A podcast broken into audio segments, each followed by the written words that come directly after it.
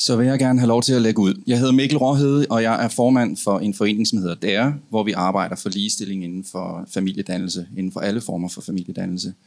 Vi har et særligt fokus på surrogasi, altså på rumorskab, øh, og det har vi i og med, at der er mange øh, familieproblemer, som ligner dem, som man finder under surrogasi, så bliver det løst der, vil det blive løst øh, mange forskellige steder. Men det er ikke kun det, vi arbejder med. Vi arbejder for øh, flerforældre-situationer, vi arbejder for barsel, øh, som ikke skal øremærkes, vi arbejder for øh, forældreregistrering, vi arbejder for arv, vi arbejder for dobbeltdonation, vi arbejder for mange forskellige ting inden for familiedannelse.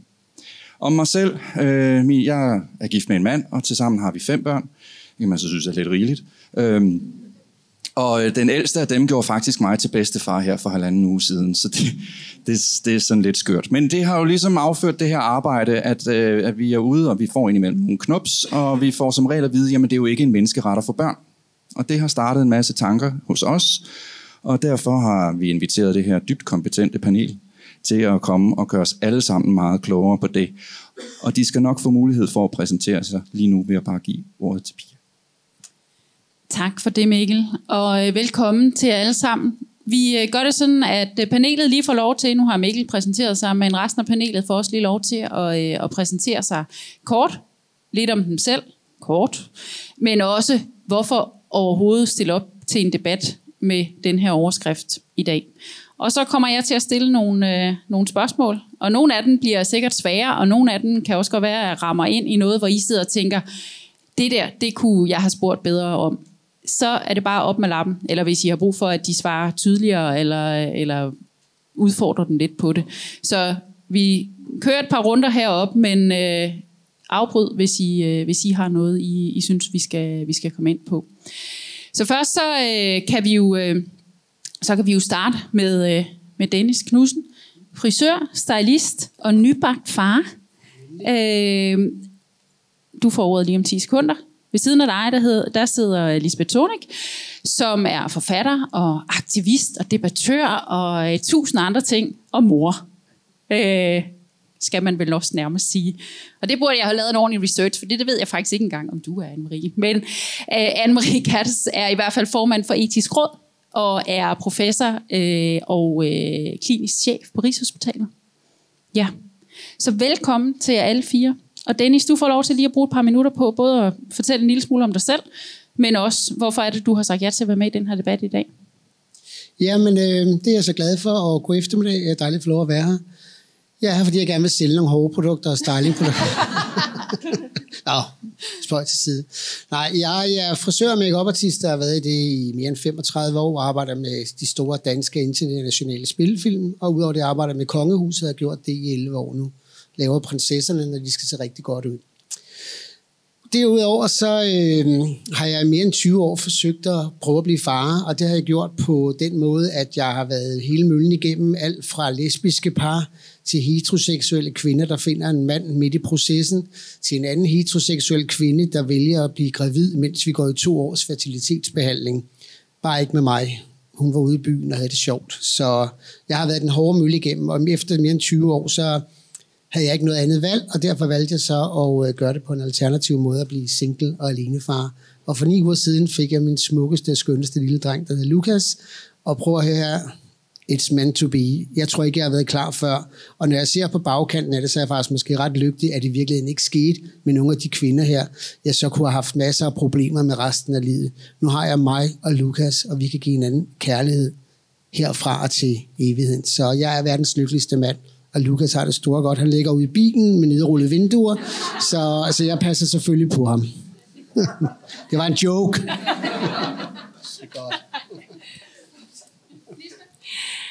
ja, jamen jeg, øh, du har jo lige præsenteret mig som Lisbeth Sornik, ja, også kendt som øh, tidligere ejer af huset Sornik. Undskyld, ja, ja, det var fordi, jeg gik konkurs i sidste uge. Det, det er en anden snak. Det er en anden debat. Øh, ja. ja. Det, øh, jeg har jo en fortid blandt andet som øh, formand for børnerådet. Og allerede dengang begyndte jeg at interessere mig ret meget for donorbørn, og Mikkel lærte mig noget omkring øh, sugasi-børn, eller hvad man nu skal kalde det, børn af rumøder. Øh, og jeg har altid været optaget af børnenes rettigheder i det her. Øh, og det kan vi jo så komme tilbage til, hvad jeg mener omkring det. Øh, så det er sådan set derfor, at jeg er med her. Øh, jeg har fem børn. Jeg er lige blevet farmor til min ældste, øh, min ældste søn, han er 30. Øh, min yngste, han er 17. Og ja, der var vel sådan tre smutter ind imellem, men det kan man vel ikke sige med dig, Mikkel. Ja. ja, så, nå, men vi kommer nok ind på nogle af emnerne. Perfekt. Tusind tak. Anne-Marie? Ja, og jeg hedder jo så Anne-Marie, og jeg er her i egenskab af at være forperson for etisk råd, har jeg lært i dag. Øh, jeg har været medlem af etisk råd i øh, godt tre år, og øh, man kan være medlem i maks seks år, og så de sidste øh, halve år, der har jeg så været forperson eller formand i daglig tale. Jeg tror ikke, vi får ændret det lige med det første. Det er et utroligt spændende arbejde. Vi er også blevet kaldt kontoret for eftertanke, jeg ved ikke, om man skal opfatte det positivt eller negativt, men øh, vi beskæftiger os jo med nogle virkelig etiske dilemmaer, hvor vi går i dybden med det, og så kommer med nogle redegørelser. Og øh, det har typisk øh, noget at gøre med genteknologi, derfor er det ikke nogen ulempe, tror jeg, at jeg også er genetiker og læge baggrund, eller det kan måske nogle gange være lidt en hemsko for, at jeg kan se ud over egen næse, det skal jeg ikke kunne sige. Men i hvert fald så har det meget med ny teknologi at gøre, hvordan vi anvender den. Og så er det jo meget omkring det reproduktive område, netop det der med at få børn, fordi etisk råd blev oprettet i 1987, da der kom det første reagensglas barn, så der var det Folketinget nedsat øh, etisk råd for at være med til at, ligesom at anskueliggøre nogle af de etiske dilemmaer. Det er jo ikke sådan, at det er nemt at komme med et sort eller hvidt svar, øh, og etisk råd er sjældent enige, men lige i nogle ganske få eksempler, hvis I spørger efter det, kan jeg godt øh, hoste dem op eller om, men ellers er det typisk, at vi stiller os i forskellige positioner med argumenter. Vi har ikke beskæftiget os lige specielt med øh, rettigheden til at få børn, men vi har beskæftiget os med surrogasi for nogle år tilbage, og vi har beskæftiget os med dobbeltdonation, så det er lidt der, jeg har hentet min inspiration fra.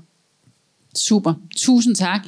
Men lad os så øh, øh, måske øh, bare blive hos dig, Marie. Altså, hvor langt, øh, hvor langt skal man gå for at, og, øh, at få børn? Altså, vi har faldende fødselstal i Danmark. Øh, vi har, øh, vi har brug for, at øh, vi bliver en større population. Øh, er, er det der, altså, er det også nogle diskussioner, man tager i etisk råd om, hvor langt er det, man skal gå for at, at være med til at sikre, at vi får et, et, et, nogle flere børn her i Danmark? Altså lige så konkret har vi ikke arbejdet med emnet, men øh, det er jo efterhånden sådan, så vidt jeg husker, nu må Mikkel korrigere mig, tror han ved det bedre end jeg, men omkring 8% af de danske børn bliver netop undfanget i dag ved hjælp af hvad man må have hjælp af en eller anden form for teknologi. Og vi kan jo se i hvert fald indtil nu har børnetallet været faldende. Jeg hørte lige radiovisen i morges, og nu er det faktisk på vej op igen. Det er jo glædeligt, øh, men jeg ved ikke, om det holder vand. Men i hvert fald så har det jo været dalende i mange år. Og øh, det er også sådan, at man bliver jo ældre og ældre, inden man får sit første barn. Øh, så der er jo også en udfordring med, at det bliver sværere og sværere for børn. Og øh, der er ingen tvivl om, hvis man ser det fra et samfundsmæssigt perspektiv, så ville det være godt, hvis der var nogle flere, der fik nogle børn i nogle alder. Og så kan jeg jo sådan bare lige altså give markere.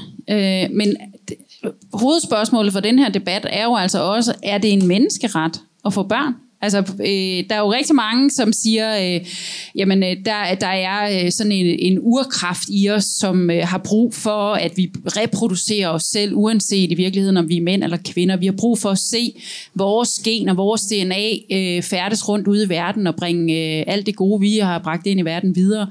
Men er, er det en menneskeret, eller er det bare noget, man sådan kan putte over i den der urdrift eller urkraft, at vi gerne vil, øh, vi vil gerne se os selv derude senere? Hvad, hvad, hvad har I tænkt der? Altså, man kan sige, vi kan starte med, med Mikkel og Dennis, fordi man kan sige, I ryger jo ind i, i kategorien af, af, af dem, der har måttet bruge øh, alternative metoder for at, øh, at få den øh, bragt videre ud i verden. Dennis?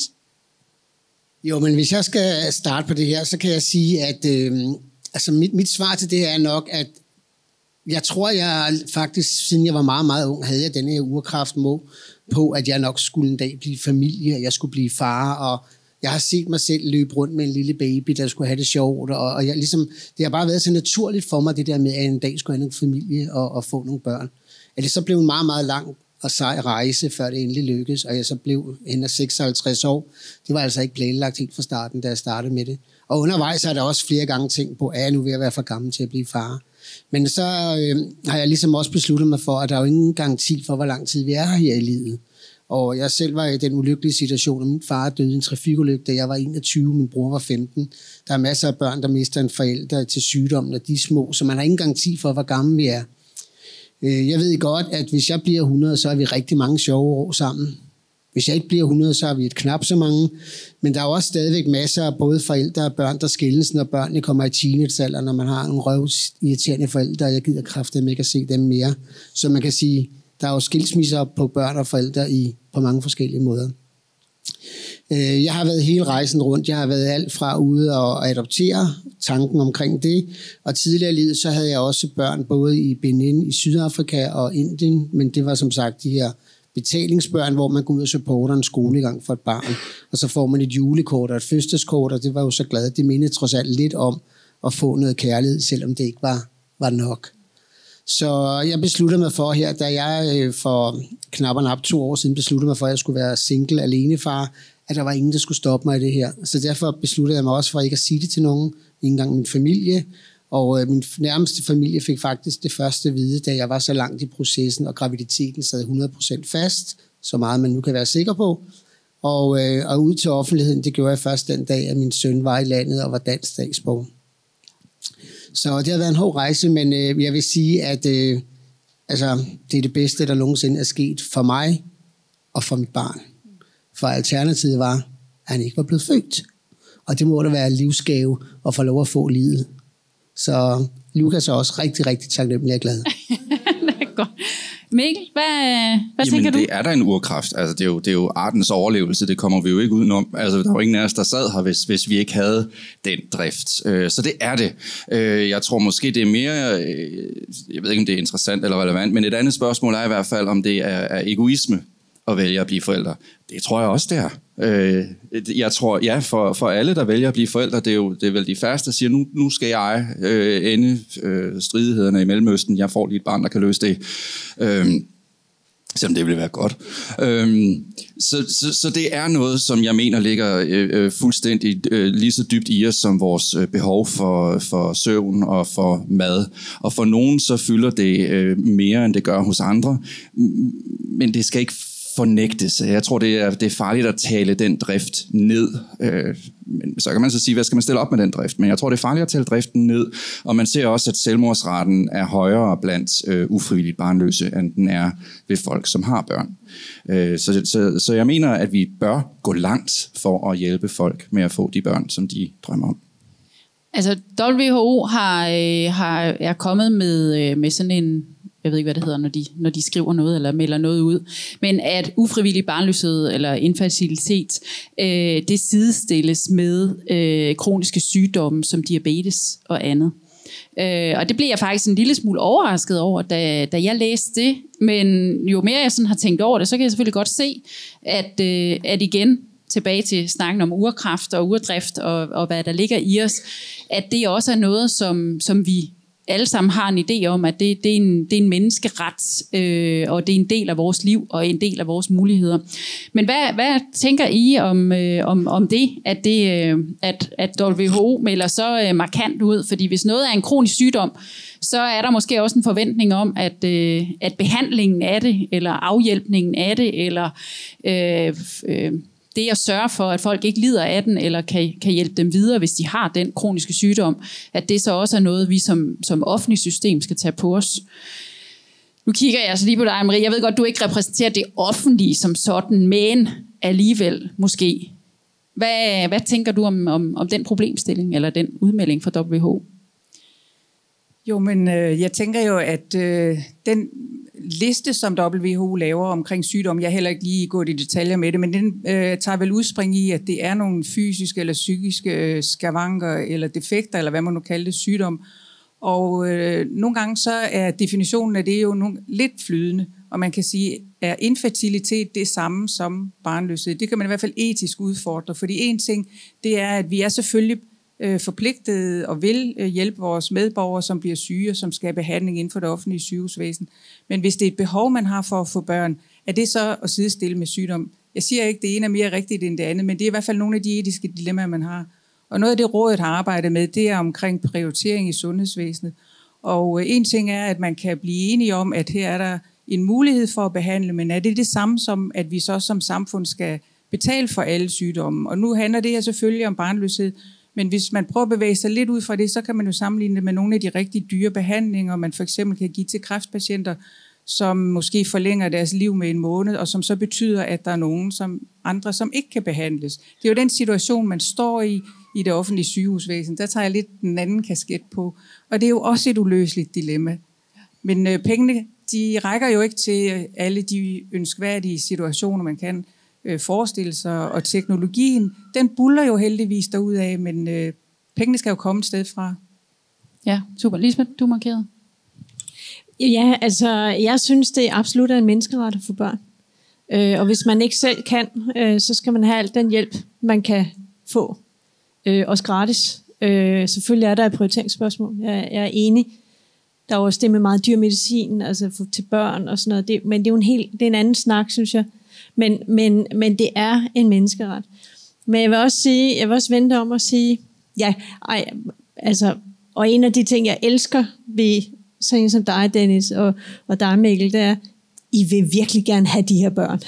For ellers havde I ikke fået dem, vel? Altså, der, det er jo ønskebørn med stort ø.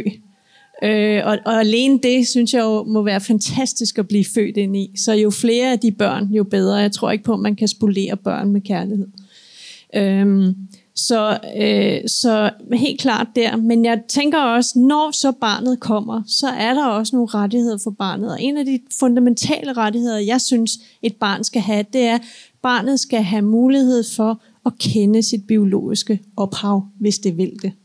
Og det er altid den diskussion, som jeg har med folk, der vælger for eksempel anonym øh, donation, eller øh, at, at man på en eller anden måde, nu er det jo lidt svært at være anonym øh, rumor, men man kan muligvis godt afskære barnet fra den viden, tænker jeg, om hvem kvinden var.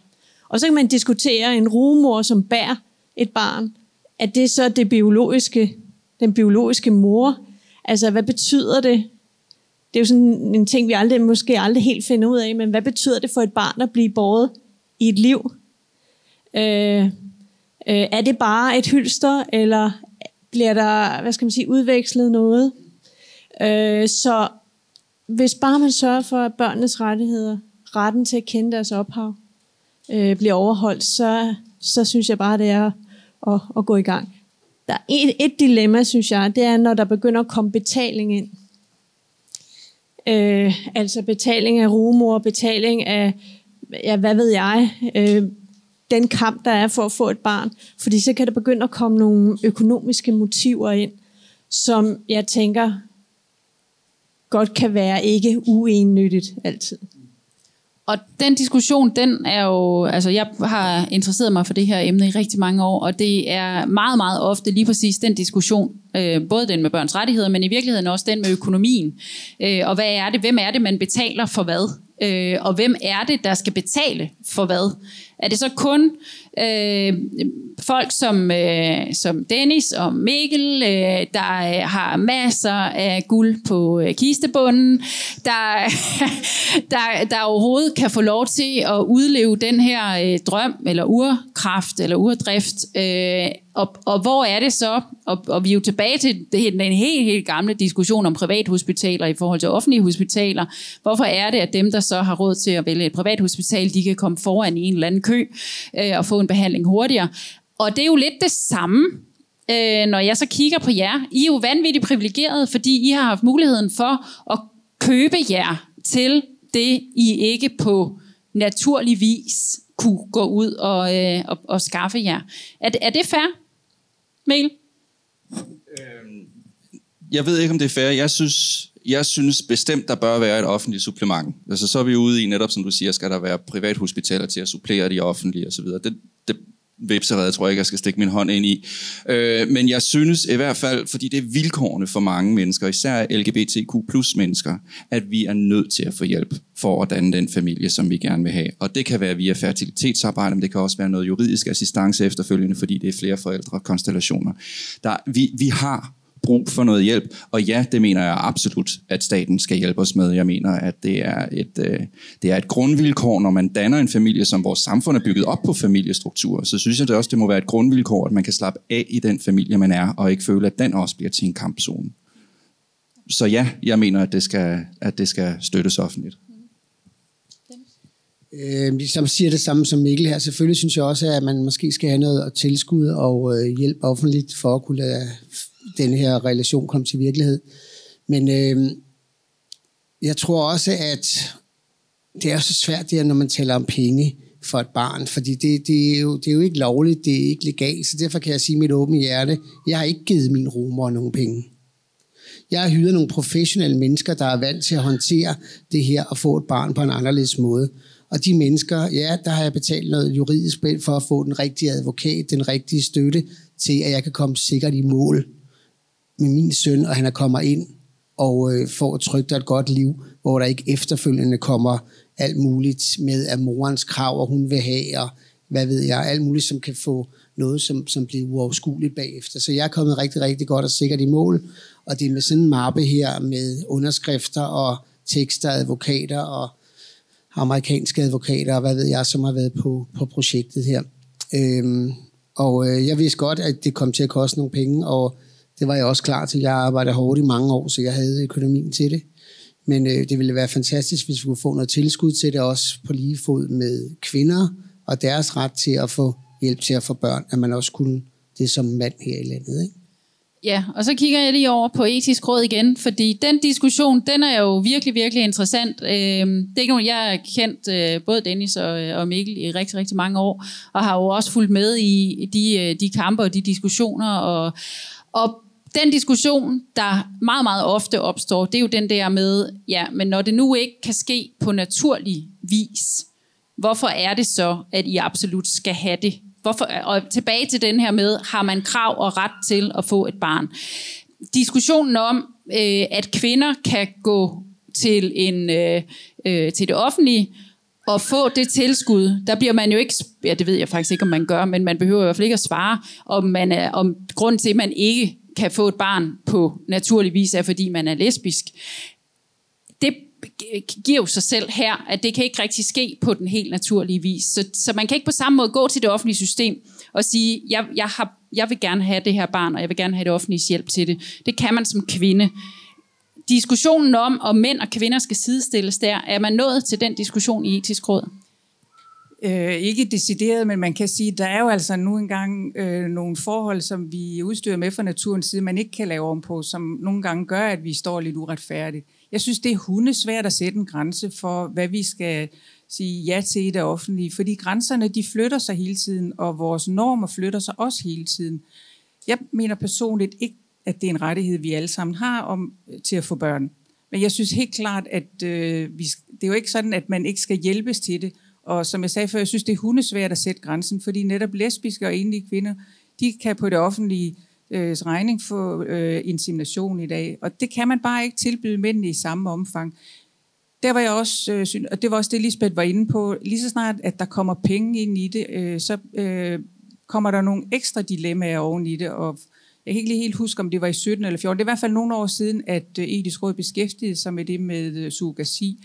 Og der gik man, øh, der, man anbefalede, at der blev åbnet op for muligheden for altruistisk surrogasi, altså hvor der ikke er penge imellem.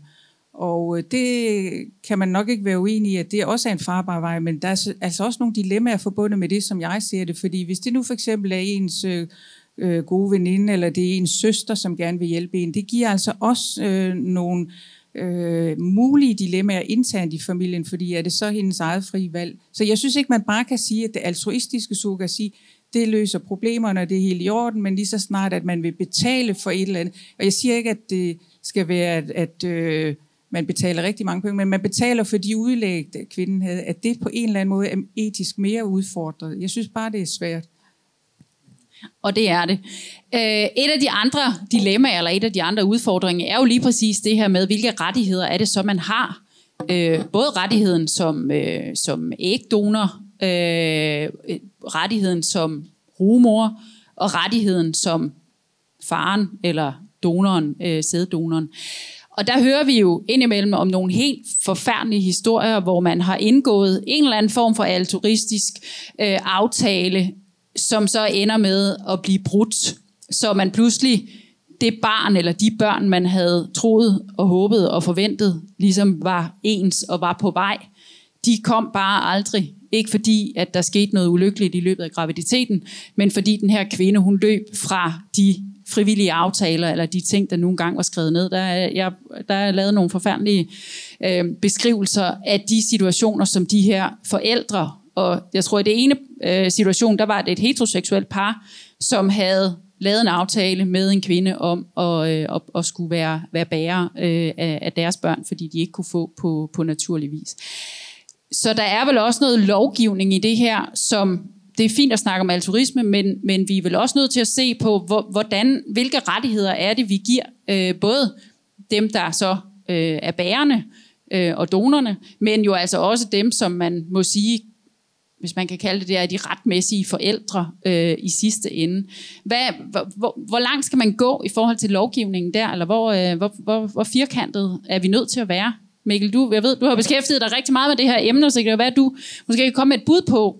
Øh, og det her, det handler jo om alle, der gerne vil have børn. Det er jo ikke kun øh, et, øh, et, et heterospørgsmål eller et LGBTQ plus spørgsmål. Det, det er jo øh, for, for alle, der gerne vil have de her børn. Hvad, hvad er, det er det bestemt. udfordringen? Og så lige nu synes jeg også, at, at, også, at det giver god mening at sætte fokus på LGBTQ+.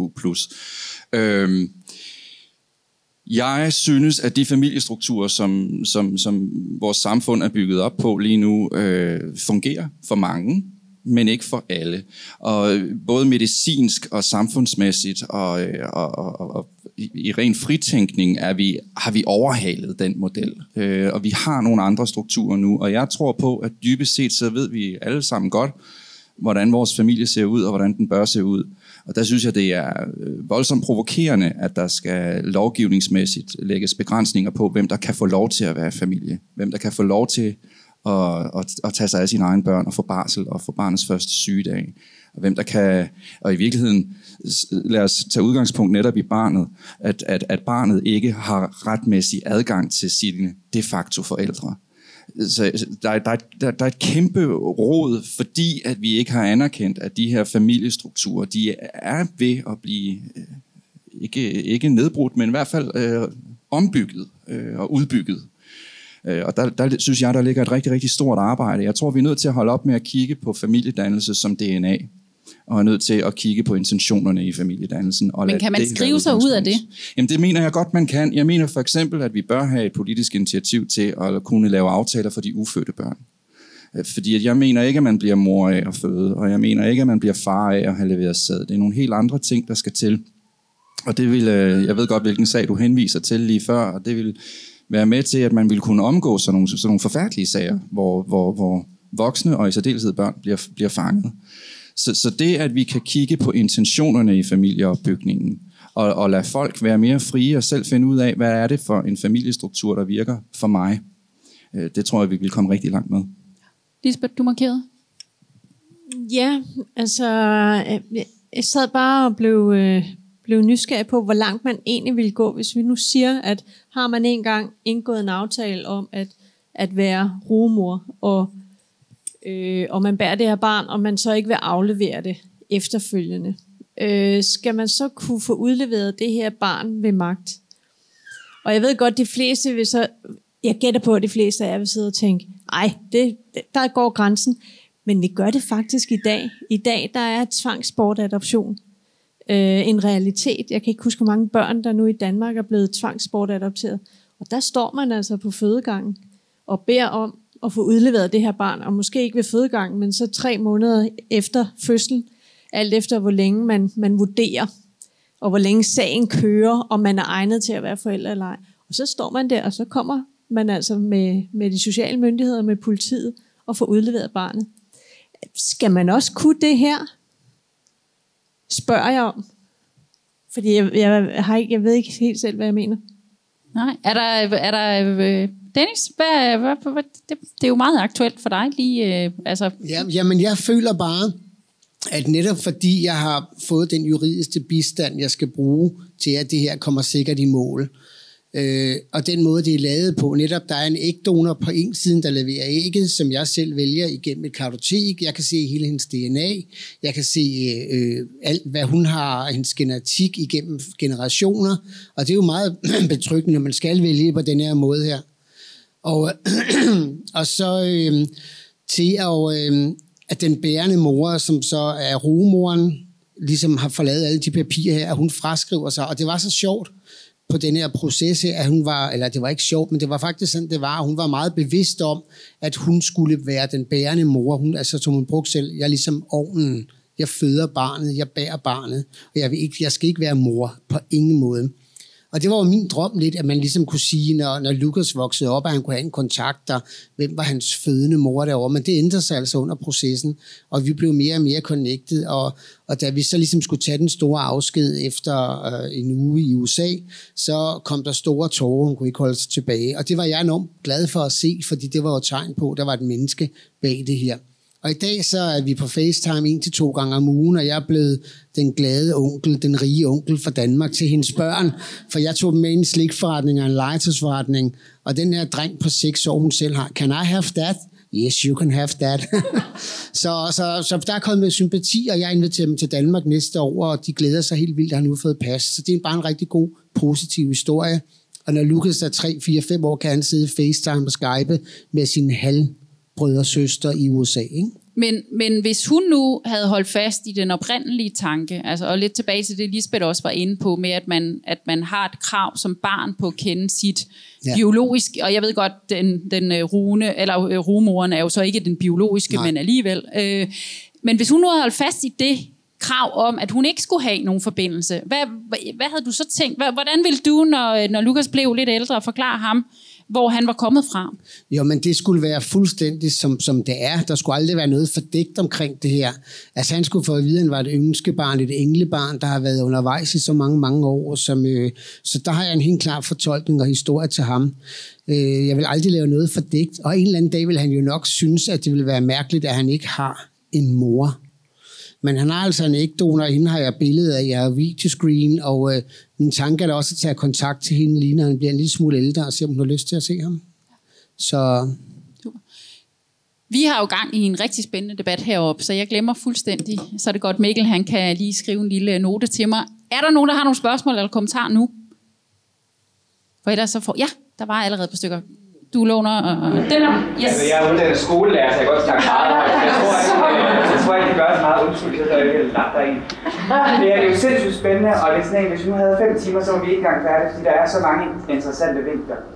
Min mand og jeg er ved at adoptere et barn, og det her tror jeg har været igennem mange af de processer, som I også har været igennem. Og en af de ting, som der gjorde, at vi sådan valgte den løsning, var, at vi havde svært ved at slå os til tåls med, hvad nu hvis der sker nogle komplikationer for den bærende mor, imens hun er gravid? Fordi, lad os så sige sådan, altså, der, der er ikke nogen penge involveret i det, men så føler jeg, at vi har et enormt stort ansvar, fordi at det ønske, vi har i vores liv, kan lave skade på det andet menneske. Det er selvfølgelig ikke det, vi håber, der sker. Men jeg bliver lidt nysgerrig på, hvad, hvad I har gjort, eller både af tanker, og i forhold til det her med at få tingene skrevet ned, om det også er noget af det, som, som I har fundet en løsning på. Øh, jeg kan sige, at øh, ja, de tanker gjorde vi os, øh, fordi at, at, at, at grundlæggende så sad min mand og jeg i en position, hvor vi var, altså vi, vi kan ikke stille nogen krav overhovedet, du vil gerne hjælpe os med at opnå det ultimative, øh, og alligevel er vi nødt til at lave en eller anden form for samarbejde. Øh, vi tager en forsikring til hende, øh, både en skadesforsikring og en livsforsikring, og en for reproduktive organer, og jeg ved ikke hvad. Øh, øh, og hun er vidende om det. Altså hun går ind til det her vidne, at en graviditet er aldrig risikofri. Der kan opstå noget. Hun ved det, hun bliver informeret om det også i, i forløbet, inden vi, vi indgår en aftale. Og, og, og, og så må jeg på et eller andet tidspunkt sige, jamen det er en voksen kvinde, som fuldt informeret vælger at gå ind i det her samarbejde, fordi hun mener, det er noget, hun kan. Øh, og så må jeg på et tidspunkt lægge det, øh, den skyld fra mig og sige, at øh, jamen, øh, jeg har sørget for, at hun ved, og hun træffer sit valg, og det må jeg stole på, at hun gør øh, velvidende. Ja, der var et spørgsmål længere nede øh, også. Er du også øh, gammel skolelærer? Det var egentlig en kommentar, Lisbeth, i forhold til, at du siger med øh, den her forfærdelige situation, hvor man står på fødselsgangen og må tage et barn fra sin mor. Min mand og jeg er også i gang med at få børn, og jeg vil sige, at vores allerstørste bekymring er jo selvfølgelig at passe på alle parter. Det inkluderer selvfølgelig også den mor, der skal, hvad kan man sige, kvinder, der skal bære barnet. Og jeg tror, det er vigtigt at understrege her, at vi vil så gerne have det gjort frem i lyset, at vi kan lave nogle aftaler, vi kan lave nogle kontrakter, som gør, at vi kan passe på alle. Men det kræver, at vi afkriminaliserer det. Det kræver, at vi kan lave et system, hvor vi kan passe på alle parter. Det kan vi ikke på nuværende tidspunkt. Vi blev kontaktet af en kvinde for år tilbage, da vi stod frem med medierne, om at hun ville faktisk gerne være mor til vores barn. Og vi var nødt til at sige nej til hende, for vi kunne simpelthen ikke garantere et juridisk apparat omkring hende, der kunne passe på hende og passe på os. Og det er jo derfor, vi er nødt til at ændre systemet, så vi kan få screenet folk, så vi kan sikre os, at de kvinder, der går ind i det, faktisk ved, hvad de går ind til. Så de kan, vi kan tjekke, at de somatisk og psykologisk og psykiatrisk er, er hvad kan man sige, klare på, det skal foregå. Og det er det, vi sidder og venter på, og håber på, at vi i Danmark kan få ændret lovgivningen, så vi kan få lavet et informeret valg for alle parter og passe på alle, uden at vi skal føle os som kriminelle, fordi vi er nødt til at søge til Ja, jamen, øh, jeg sidder sådan her og, og begynder at få et svar på mit øh, spørgsmål. Jeg begynder at mene noget, kan jeg mærke. Jeg tror faktisk, man, altså hvis man juridisk kan gøre det sådan, at man faktisk har ret til at få udleveret det her barn, så, så vil jeg sige, det, det tror jeg egentlig er det, det rigtigste, selvom det vil være mega barsk. Jeg ved, vi gør det i andre sammenhæng med udsatte forældre og så videre, så derfor er det jo, hvad skal man sige, men, men, men det kan virke enormt barsk, men jeg tror egentlig, jeg vil sige, at, at, at det juridiske omkring det er klart, det er jeres barn, så må man møde op og få udleveret det barn med magt, hvis det er det, der skal til. Det tror jeg, jeg mener. Vil du ikke lige give mikrofonen videre til Henrik? De er markeret. Det, er, det kan både være gode og dårlige tegn. Nu ved jeg ikke, om jeg tør sige noget, Pia. Nej, jeg vil bare sige, at øh, jeg er helt på linje med øh, det, der bliver sagt omkring, at der er virkelig behov for noget regulering af området, sådan som man netop ikke står med en oplevelse af, at man gør noget ulovligt. Øh, der burde være at de samme former for regelsæt, om det var altruistisk eller det var kommercielt, også så man ikke får det der økonomiske afhængighedsforhold, og man ikke føler, at man har betalt for lidt eller for meget. Det skal jo helst ikke være en individuel øh, vurdering hver gang, men det skulle gerne være noget, der ligesom var set på af eksperter, så man kunne tilslutte sig det. Det handler jo om barnets tag, det tror jeg, vi alle sammen er enige om. Og netop det der med, øh, hvad nu hvis kvinden hun øh, fortryder, eller hvad nu hvis barnet er handicappet, og hun ikke, øh, eller dem, øh, det kommende forældrepar ikke vil have det. Ikke? Altså der er den slags ting, som øh, der er alle mulige ting, man ikke kan forudse. Så derfor er det bedre, synes jeg, at få det ligesom lagt i lidt mere professionelle hænder. Var der et spørgsmål mere? Eva, siden du har stjålet min mikrofon. Ja, så Ja. Er der nogen, der sidder og tænker, at, at det, det kunne de aldrig nogensinde øh, være med på sådan en model, at øh, hvis man... Øh, hvis man gik ind i det her og, øh, og, og var rugemor, eller man måske kender nogen, der har været igennem det, som har haft de her, øh, de her oplevelser eller overvejelser.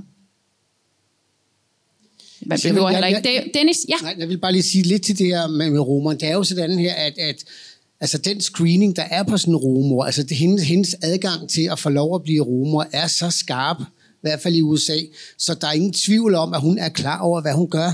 Det er, altså, det er ikke en, en kvinde, som er ustabil psykisk. Det er ikke en kvinde, som ikke har født børn selv. og frem for alt er det ikke en kvinde, som ikke kan klare sig økonomisk selv. Mit eksempel, hun er politikvinden, har været en, der skød folk ned på gaden. Nu sidder hun på kontor, efter hun har fået to børn. Ben hardcore. Så elsker hun make op og hår. Matchet er blevet rigtig godt her. Og så har hun to, jamen, og så har hun to børn, som, øh, som desværre ikke ser deres far på 3 og 6 år. Men det match, som beroede, og, og, og det setup, der har været omkring mig det her, det var ligesom et dating sites. Altså de har set, hvad er mit behov, hvad søger jeg, hvad ønsker jeg, og hvad kan hun levere, levere, levere. Så det matcher bare rigtigt. Men hun kunne sagtens køre et liv uden øh, øh, at gøre det her, men hun vil gerne gøre en forskel for andre, og så kan hun godt lide at være gravid. Og, øh, så, så det har bare været rigtig godt.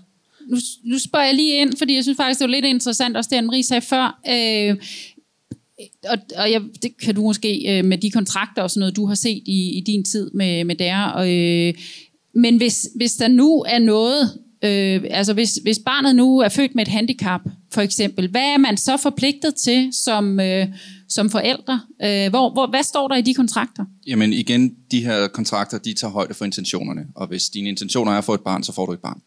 Og du kan ikke sige, at det er et grimt barn, så det har jeg ikke lyst til. Øh, og du kan... Men må ikke du havde fået barnet med hjem alligevel, Dennis? Øh, altså, der er i, i de her kontrakter, der, det, det handler ikke... Altså, starter du det tog, så starter du det tog. Øh, hopper du ud fra 10 meter ved dem, så vender du ikke om og kravler op igen. Øh, og, og, og det samme gælder faktisk netop for, for de gravide kvinder. De har ikke muligheden for at ombestemme sig, hvilket jeg personligt mener også er den rigtige vej at gå, blandt andet fordi jeg mener, det er med til at, at screene at hvis man er i tvivl om det er noget, man kan gøre, så synes jeg at ikke, man skal gå i gang. Øhm, så, så der er nogle helt klare regler for, at intentionerne i familiedannelsen er dem, der er juridisk gældende. Nu, ja, der var et spørgsmål der, det kan vi sagtens lige nå. Jeg vil bare høre, om det er et område, I kunne finde på at tage op igen i etisk råd, fordi jeg er rapporter fra år 2013, og det er sket rimelig mange ting på det reproduktive område siden. Ja, om, om der er udsigter til det og så kan sige sådan specielt? Jamen, øh, det vil jeg da sige ja til. og Vi har allerede haft møder med Mikkel omkring det, fordi det var det, jeg sagde før, kontoret for eftertanke. Det er sådan lidt en langsomlig proces, når I de råd skal vælge nogle emner ud, men jeg har i hvert fald forsøgt som formand at sætte en lidt mere aktualitetsdagsorden. Altså, der er bare nogle øh, særlige områder, som øh, rådet hele tiden skal følge med i, og som vi er forpligtet til. Og det handler for eksempel også om reproduktion, og der er det her med surrogasi et af emnerne. Øh, der er også øh, nogle andre områder, som vi hele tiden skal følge med i, øh, for eksempel aktiv dødshjælp eller noget andet. Så, så det er et af vores kerneområder. Så vi, vi, det er ikke sådan, at vi har lige en redegørelse på vej, men det, det er et område, vi følger meget tæt, og vi diskuterer, om vi skal lave en kort redegørelse, eller i hvert fald en udtalelse, eller en kronik, eller sådan noget. Og det er jo rigtig, rigtig gode toner fra forpersonen. Øh, jeg kunne godt tænke mig at vide, og, det, og nu kigger jeg, jeg i virkeligheden måske lidt på Lisbeth og lidt på Mikkel, øh, øh, når I sådan har fulgt med i den offentlige debat, og selv blandet jer i den, øh, jeg kan jo godt mærke, at der er nogle politikere, også nogle af dem, jeg diskuterer med, som har rykket sig men jeg kan sørge også godt mærke nogen, der absolut ikke har flyttet sig en centimeter i forhold til, da jeg begyndte at blande mig i den her debat for, hvad, 5-10 år siden eller noget af den stil. Hvor langt tror I, at vi er fra, øh, at vi kan få lavet nogle ordentlige øh, regler, at vi kan få sikret, at man ikke føler sig kriminel, fordi man gerne vil, øh, vil have et barn? Øh, Lisbeth? Jamen, altså, det, det er Mikkel, der skal svare på det, men nu nævn, nu nævnte du også lige mig. Jeg tror egentlig, altså, min fornemmelse er, at vi er kommet meget tættere på noget, men det er også fordi, der er sket det, at folk er begyndt at forstå, hvad det er. Det er jo blandt andet for der og, og Mikkels, eller øh, øh, øh, hvad hedder det, fordi der og Mikkel har, har gjort så meget øh, for det, men det er også fordi, der var den der dokumentar øh, om øh, rugemøder her øh, for nylig. Altså, der, der, der kommer mere og mere viden, øh, der gør, at man kan bedre og bedre sidestille det med at adoptere eller donorbørn og sådan noget. Fordi ellers har det virket sådan lidt som en amerikansk film eller sådan noget, ikke? Er der overhovedet nogen, der vil bære sådan et barn? Og det er der jo. Ja. ja. Men Mikkel, jeg synes, ja. det er dig, der skal have den...